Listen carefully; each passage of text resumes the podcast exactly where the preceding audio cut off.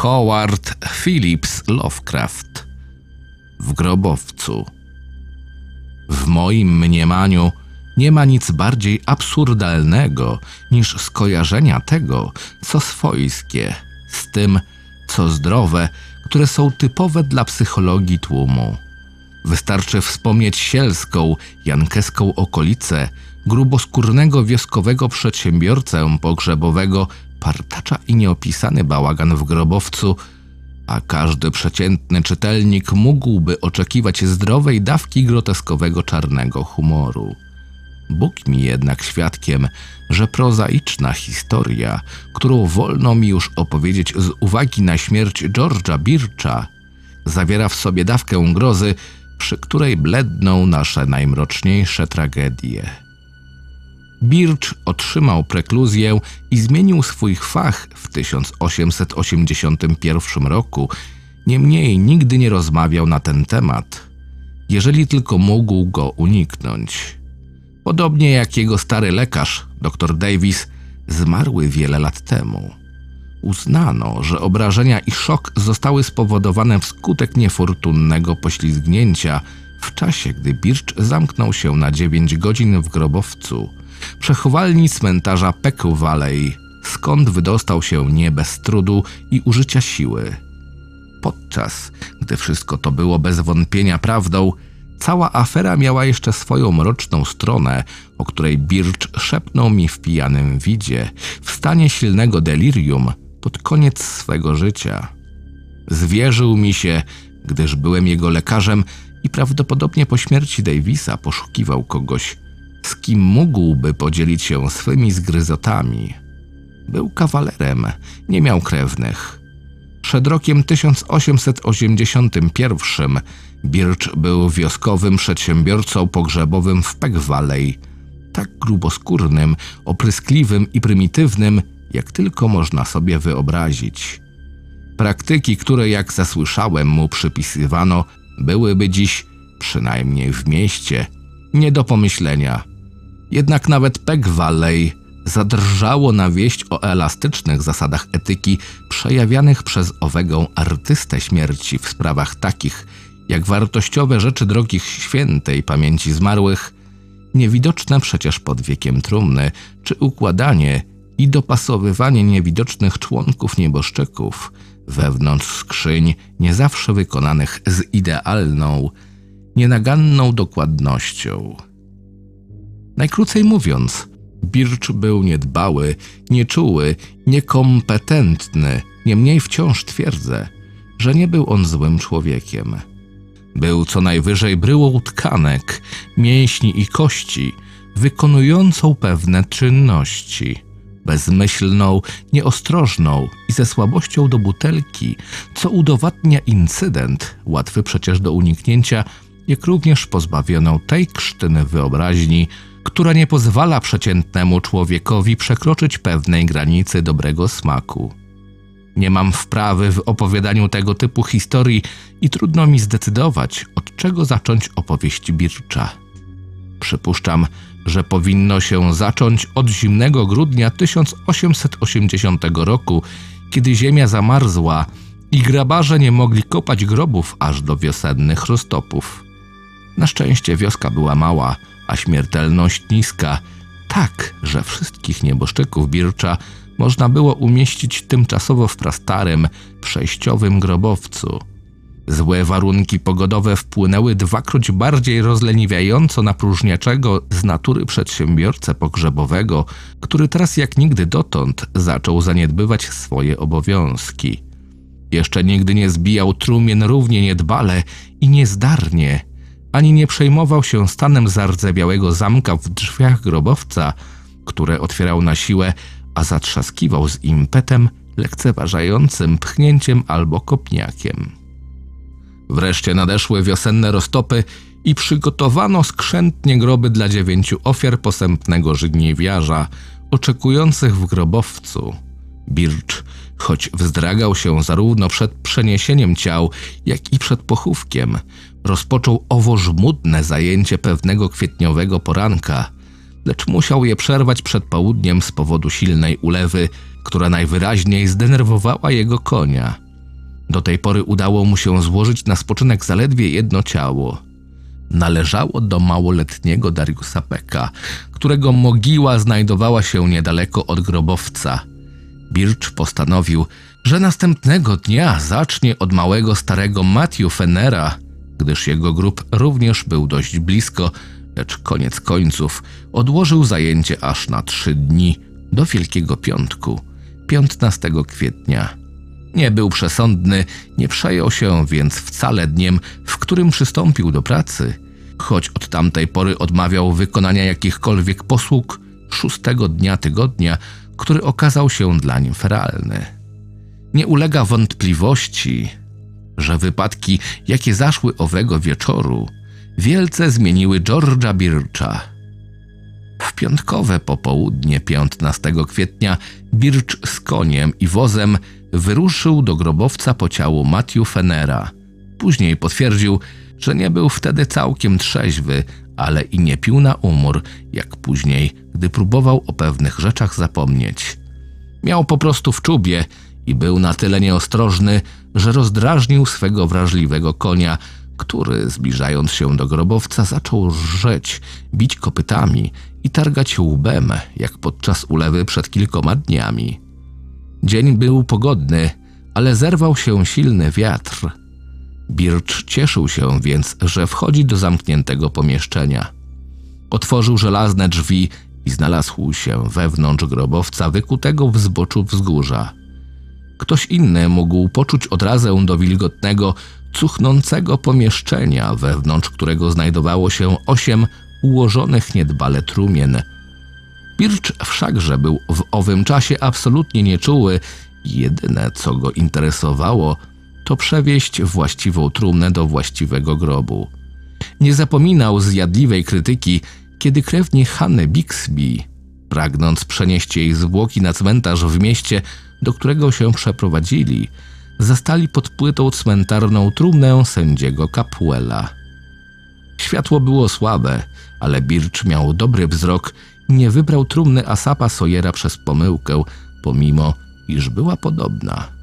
Prawdę mówiąc, wykonał tę trumnę dla Matthew Fenera, jednakże odrzucił ją, uznając za wybrakowaną, zbyt marnie i niedokładnie wykonaną w przypływie osobliwego sentymentalizmu, kiedy przypomniał sobie, jak miły, hojny i dobry okazał się dlań mały staruszek przed pięcioma laty, kiedy splajtował jego poprzedni interes.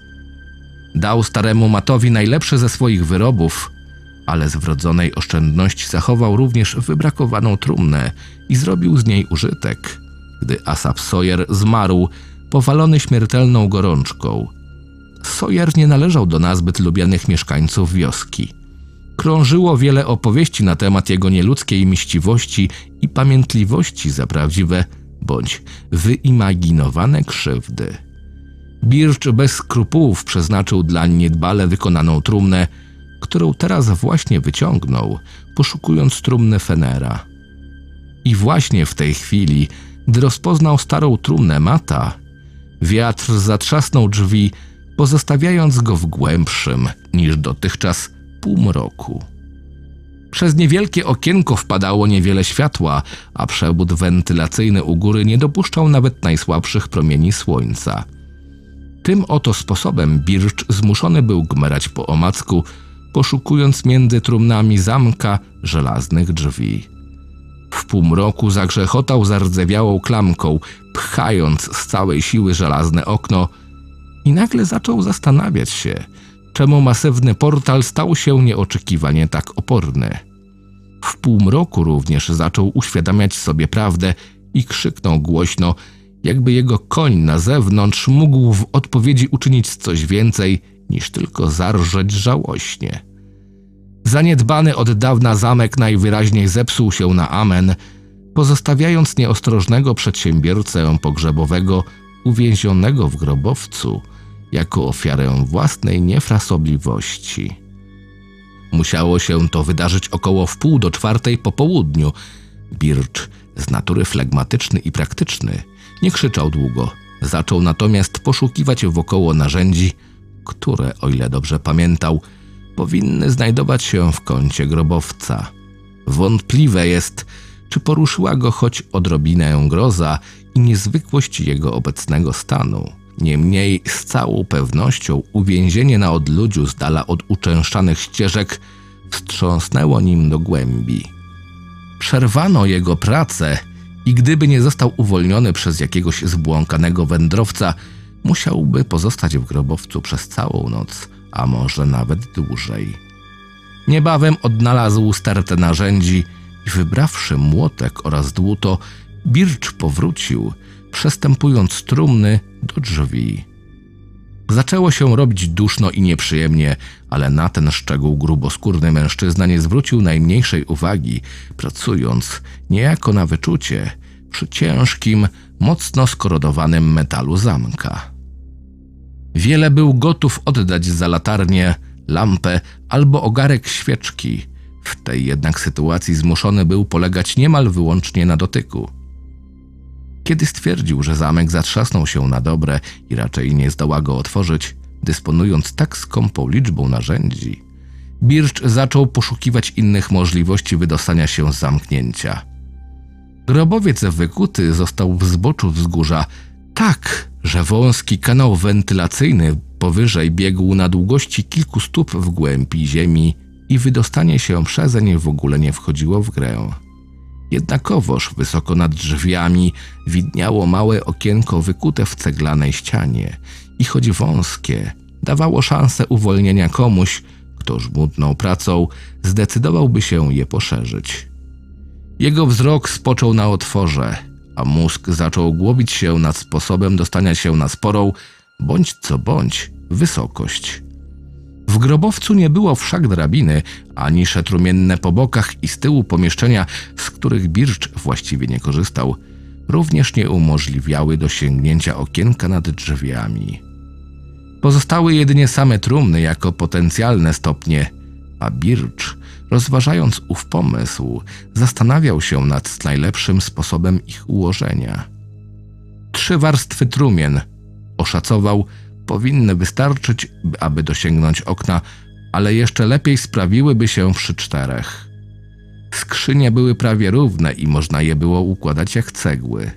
Teraz zaczął zastanawiać się, jakby z ośmiu trumien ułożyć czterowarstwową platformę, która byłaby dostatecznie stabilna i na którą mógłby się wdrapać. Planując, mógł jedynie w głębi duszy żałować, że poszczególne elementy jego schodów nie były sporządzone solidniej. Wątpliwe jest, czy miał dość wyobraźni, aby równocześnie życzyć sobie, by były puste. Wreszcie zdecydował się ułożyć podstawę z trzech skrzyń ustawionych równolegle do ściany. Miała to być pierwsza platforma. Zadanie to wymagało najmniej wysiłku, a pozwalało na osiągnięcie żądanej wysokości. W końcu postanowił jednak sporządzić podstawę z dwóch tylko skrzyń, pozostawiając jedną w rezerwie na wypadek, gdyby do odzyskania wolności konieczne okazało się pokonanie jeszcze większej wysokości. Tym oto sposobem więzień ciężko pracował w półmroku, poczynając sobie nader lekceważająco z doczesnymi szczątkami drogich nieobecnych i budując krok po kroku miniaturową wieżę Babel. Kilka trumien zaczęło pękać na skutek jego bezceremonialnego traktowania, to też postanowił zatrzymać solidnie zbitą skrzynię Matthew Fenera na sam koniec, by jego stopy miały możliwie jak najlepsze oparcie. W szarości grobowca wybierał je niemal wyłącznie na dotyk i prawdę mówiąc, natknął się na nią niejako przypadkiem, gdyż wpadła mu w ręce jakby z własnej woli, kiedy ułożył ją mimowolnie na trzecim poziomie. W końcu wieża została ustawiona, a zbolałe ręce przedsiębiorcy odpoczęły przez chwilę, gdy on sam usiadł na dolnym stopniu swej posępnej budowli. Bircz wspiął się ostrożnie na platformę uzbrojony w niezbędne narzędzia i stanął na wprost małego okienka, znajdującego się na wysokości jego piersi. Ścianki otworu wykonane były z cegieł i mężczyzna nie miał najmniejszej wątpliwości, że w krótkim czasie zdoła poszerzyć je na tyle, aby móc przecisnąć się na zewnątrz. Kiedy zadał kilka pierwszych uderzeń młotkiem, Koń na zewnątrz zarżał, a w jego głosie mogła brzmieć tyleż zachęcająca, co ironiczna nota. Tak czy inaczej, ton był jak najbardziej trafny, gdyż nieoczekiwana twardość kruchych z wyglądu cegieł stanowiła sardoniczny komentarz dla marności ludzkich nadziei i stałości przeszkody do pokonania, której konieczny był każdy możliwy bodziec. Zapadł zmierzch, a Bircz wciąż pracował. Obecnie robił to nieomal wyłącznie na wyczucie, gdyż wiszące na niebie chmury zakryły tarczę księżyca. Choć robota szła mu jak po grudzie, poczuł pewien przypływ otuchy wywołany powiększeniem górnej i dolnej krawędzi otworu. Był pewien, że zdoła wydostać się przed północą, aczkolwiek charakterystyczne jest dlań, że owa myśl wyprana była z wszelkich osobliwych implikacji. Nie zaniepokojony mrocznymi refleksjami związanymi z czasem, miejscem i towarzystwem, jakie miał pod stopami, ze stoickim spokojem odkuwał kolejne fragmenty cegieł, klnąc, gdy jakiś odłamek trafił go w twarz i wybuchając śmiechem, gdy jeden dosięgnął coraz bardziej zdenerwowanego konia, który rył kopytami ziemię opodal cyprysowego drzewka. W miarę upływu czasu otwór powiększył się na tyle, że Bircz odważył się podjąć próbę przeciśnięcia się na zewnątrz. Zmienił nieznacznie pozycję, a trumny poniżej poruszyły się i zatrzeszczały. Stwierdził, że nie musi budować jeszcze jednego poziomu swojej platformy, aby osiągnąć należytą wysokość, powinien bowiem bez trudu przecisnąć się przez okienko, gdy tylko osiągnie ono odpowiednią średnicę. Musiała być chyba północ, kiedy Birch stwierdził w końcu, że otwór jest dostatecznie duży, by mógł się przezeń przedostać. Zmęczony i ociekający potem, pomimo wielu przerw na odpoczynek, zszedł niżej i przysiadł na dolnej skrzyni, by zebrać siły na ostateczną próbę prześlizgnięcia się na drugą stronę i zeskoczenia na ziemię. Wygłodniały koń rżał raz po raz nieomal histerycznie, a Bircz w głębi serca pragnął, aby zwierzę w końcu zamilkło. Nie wiedzieć czemu odkładał chwilę swego uwolnienia i niemal obawiał się tego upragnionego kroku. Nie był już wszak młodzieniaszkiem, jego ciało nie miało dawnej sprawności. Kiedy wspinał się na górę po rozszczepiających się trumnach, czuł bardzo wyraźnie cały ciężar swego krępego, potężnego ciała, zwłaszcza kiedy znalazłszy się na szczycie, usłyszał przeszywający trzask pękającego drewna.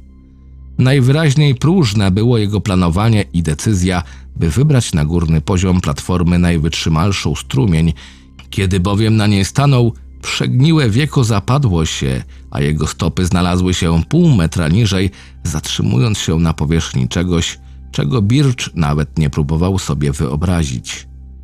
Czekający na zewnątrz koń, oszalały przeraźliwym odgłosem lub może wetorem, który wypłynął z zamknięcia, wydał ochrypły głos, który był zbyt nerwowy jak na rżenie i pomknął na oślep w noc, ciągnąc za sobą kolebiący się i turkoczący szaleńczo wóz. Bircz, znalazłszy się w nowym, upiornym położeniu, był zbyt nisko, by bez trudu wypełznąć na zewnątrz przez powiększony otwór okienny.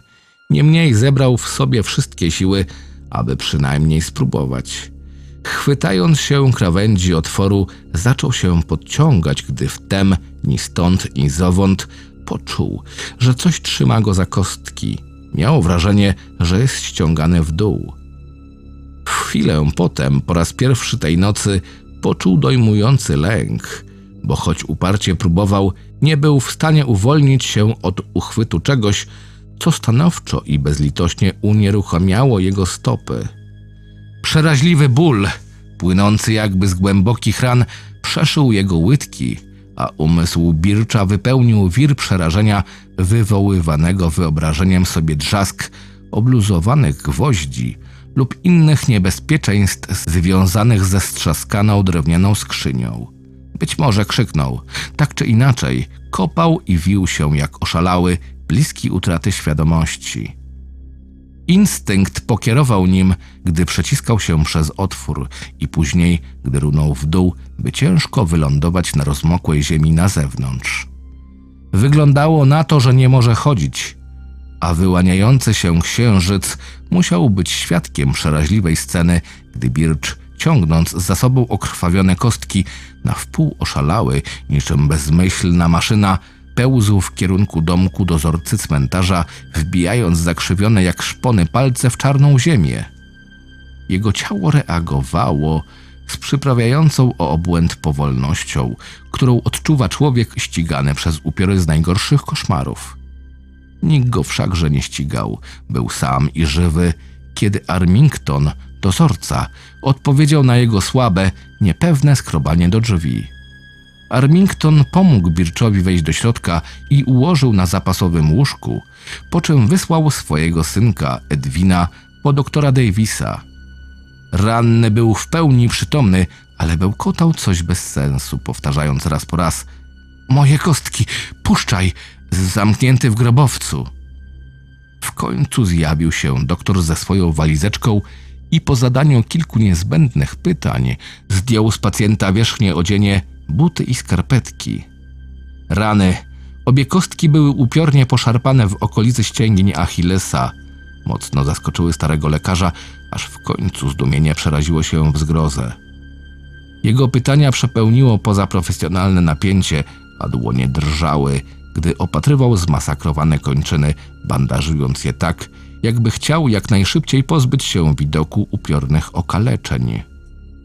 Jak na obojętnego z natury lekarza, złowieszcze i przesycone grozą przesłuchanie, któremu poddał osłabionego przedsiębiorcę pogrzebowego, by wydobyć od niego wszelkie szczegóły dotyczące jego przerażającej przygody, mogło wydawać się doprawdy nietypowe.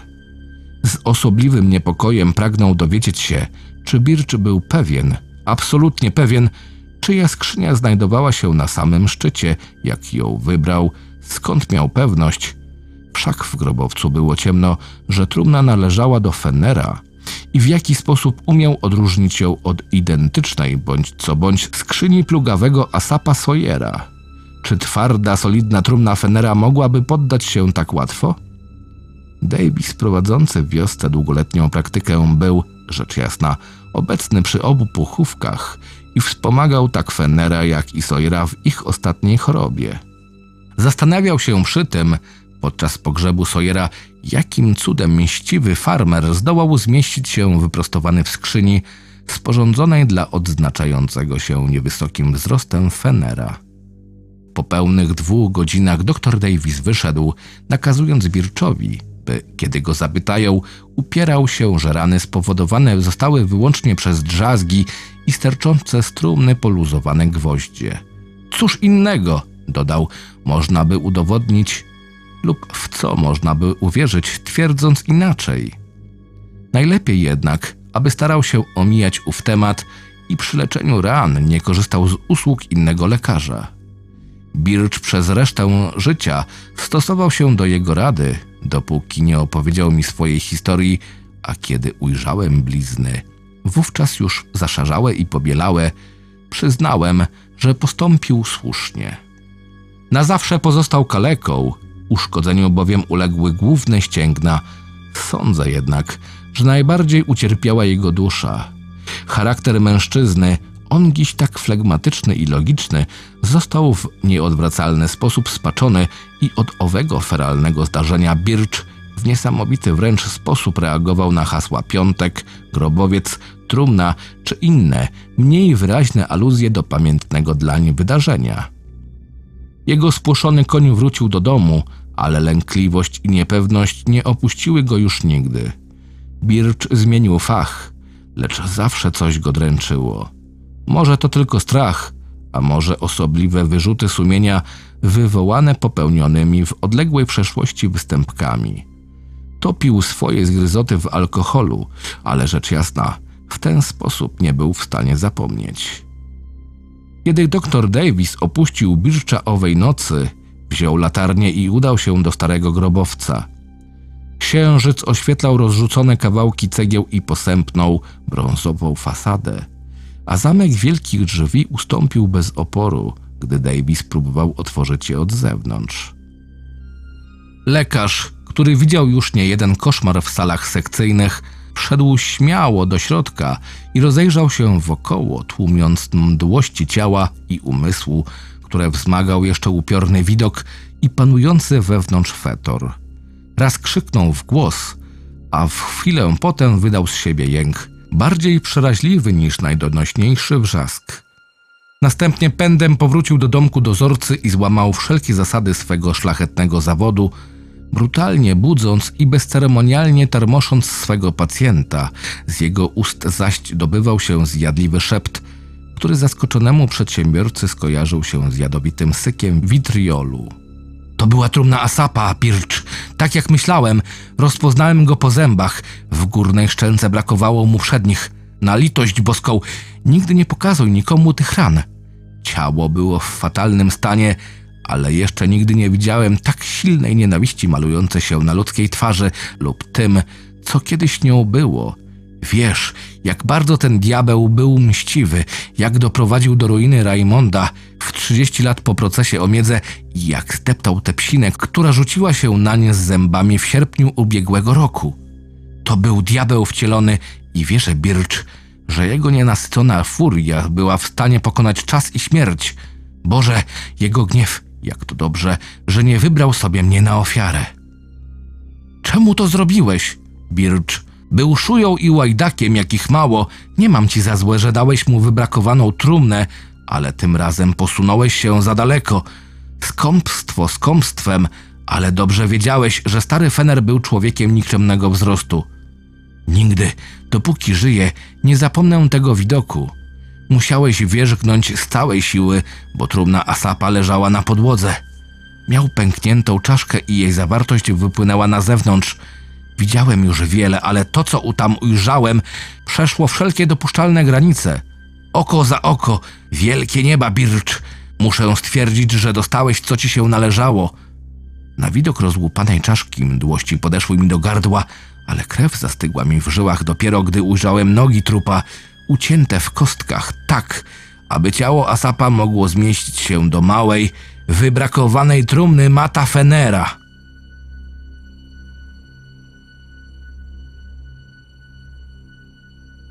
Czytał Krystian Kieś. Zapraszam do subskrypcji mojego kanału.